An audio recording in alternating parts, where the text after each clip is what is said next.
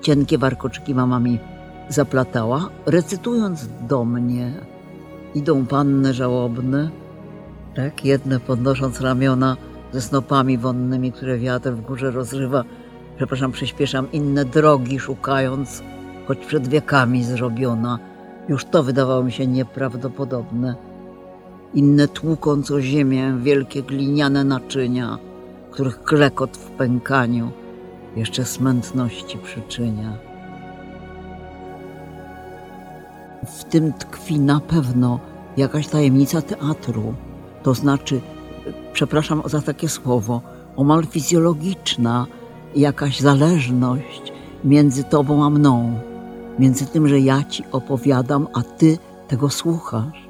Myślę, że najważniejsze jest rozumienie tekstu i chęć uczynienia z widza partnera, że on rozumie, to zrozumie dzięki mnie, tak jak ja to rozumiem, i że ja wobec tego ośmielam się uważać, że ja to na pewno dobrze rozumiem.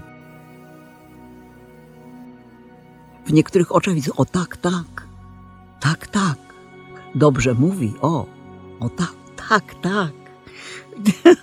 Jakiś taki rodzaj potwierdzenia. I ja wtedy już po prostu jak na jakiejś tratwie, którą sama poruszam.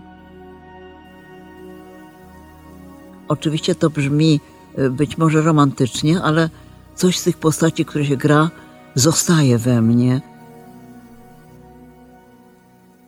To się musi zacząć od wewnątrz. Przekonanie kobiety o swojej urodzie i od niej zależy.